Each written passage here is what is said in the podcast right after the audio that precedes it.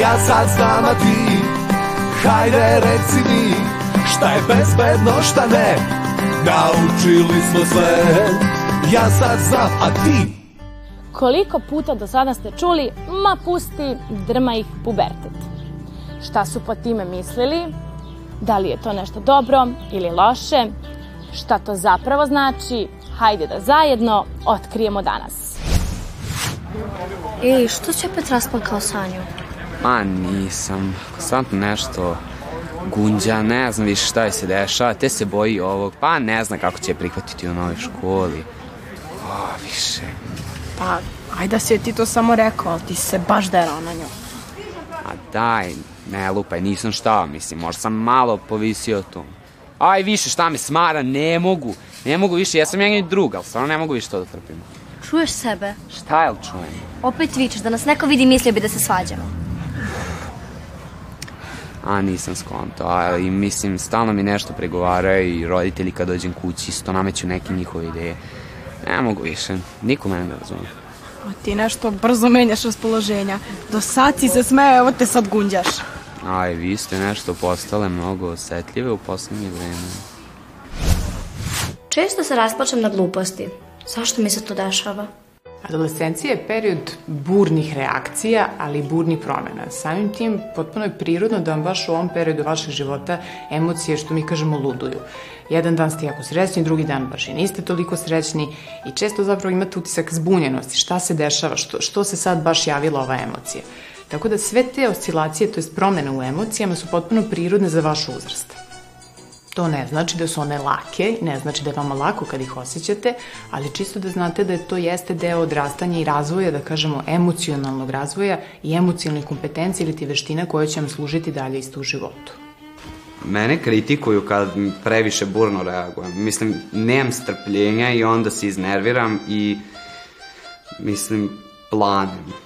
Kada burno reagujemo, mi imamo utisak da nas niko ne čuje, ne razume, jer upravo se to zapravo i dešava. Jer što smo mi, da kažem, glasniji i što više pokušavamo neke stvari glasno da objasnimo, nas drugi zapravo sve slabije i čuju. Bilo bi nam od koristi kada bismo, na primjer, u trenutku kada krene jaka emocija, bila ona prijatna ili neprijatna, kada bismo samo sebi počeli da brojimo. Znači u sebi krenemo da brojimo do pet, na primjer, čisto da bismo sebi dali pauzu da bismo mogli da udahnemo i da reagujemo na malo drugačiji način koji bi nam bio od koristi prilikom komunikacije sa drugim ljudima.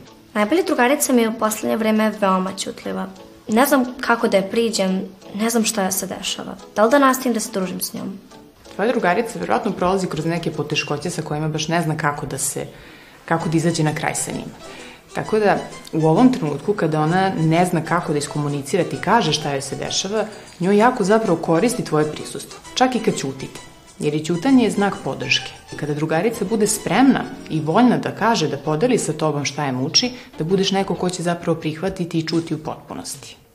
Bila sam sigurna u svoj izbor škole, a sada više nisam toliko ubeđena u to da će mi odgovarati. Mislim, šta ako me društvo ne prihvati? Toliko se nekada brinem o tobe da ne mogu da zaspim uopšte. I roditelji su to primetili i sad mi predlažu drugi smer. Ja ne znam sada šta da uradim. Da li su roditelji u pravu? Kad god donosimo neku odluku, uvek postoji jedan onaj moment dileme ili ti sumnje da li sam donao pravu odluku. Kada su u pitanju odluke, baš po pitanju škole, društva i svega ostaloga, tu su nam negde dileme možda i najveće, to jest najčešće se javljaju. Upravo to da li će biti prihvaćeni, da li će nam škola odgovarati, kako ćemo se snaći, ali ono što negde zaboravimo dok, dok vrtimo sve te misli i moguće scenarije, jeste da postoji uvek rešenje. U smislu čak i da izaberemo školu i na kraju se ispostavi da nam nije prijala ili da se nismo uklopili, rešenje postoji. Imamo pravo da promenimo odluku. Imamo pravo da promenimo školu.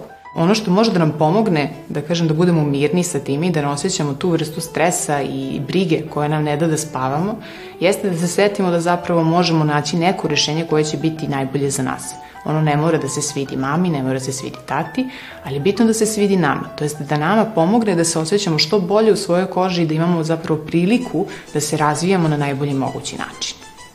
I da li se osjećanje dele na dobra i loša i kako da, mislim, usredsretim to burno ispoljavanje emocija?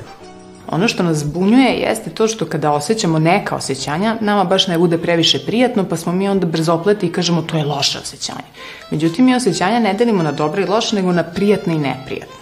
Jer svako osjećanje, kažem, ima neku svoju ulogu, ima razlog zašto se javilo i zašto treba da se javi, samo njen intenzitet ili baš situacija u kojoj se javi ne budu baš nekad prijatne, pa da kažem, želimo da je nema. Međutim, jako je važno za nas da osjećamo i da dopuštamo sebi da osjećamo sve emocije, jer kada blokiramo ili kada potiskujemo neku emociju, to nas mnogo više zapravo košta na neke duže staze. Kada se pojavi neka emocija koja je možda malo intenzivnija i neprijatnija, Jedan od prvih koraka može upravo da bude taj da pitamo sebe, ok, šta se sada dešava, šta mi sad nije prijalo ili šta me povredilo, pa se osjećam na ovaj način. A zatim posle toga možemo da pokušamo sami sa sobom da porazgovaramo kroz dnevnik, kroz e, razgovor sa prijateljima, da malo prostudiramo, što kažu, da analiziramo situaciju, da vidimo koji su to faktori, to jest koji su kidači za tu neku malo burniju emociju. Da li se ona stalno javlja u istim situacijama ili nekim drugim i kako zapravo da mi naučimo da reagujemo na bolji, adaptivniji način.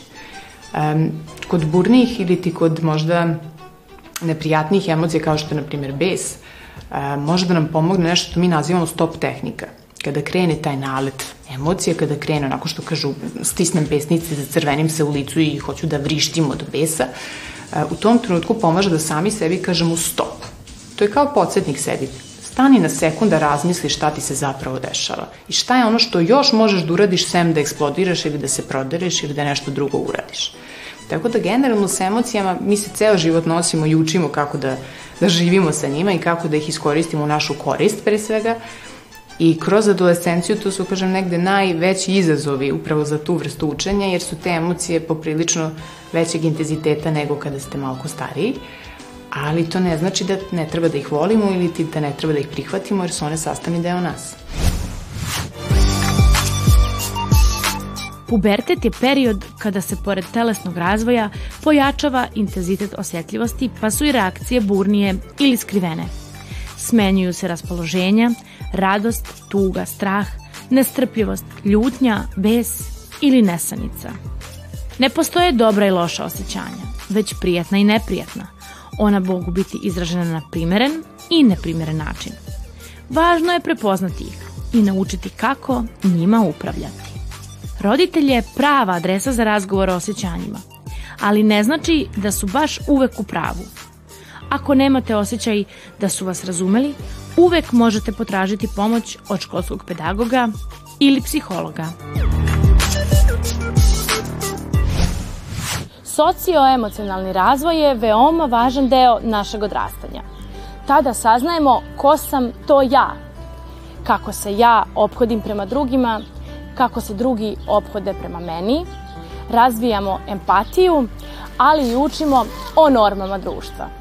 Zbog svega navedenog je veoma važno da upoznamo sebe.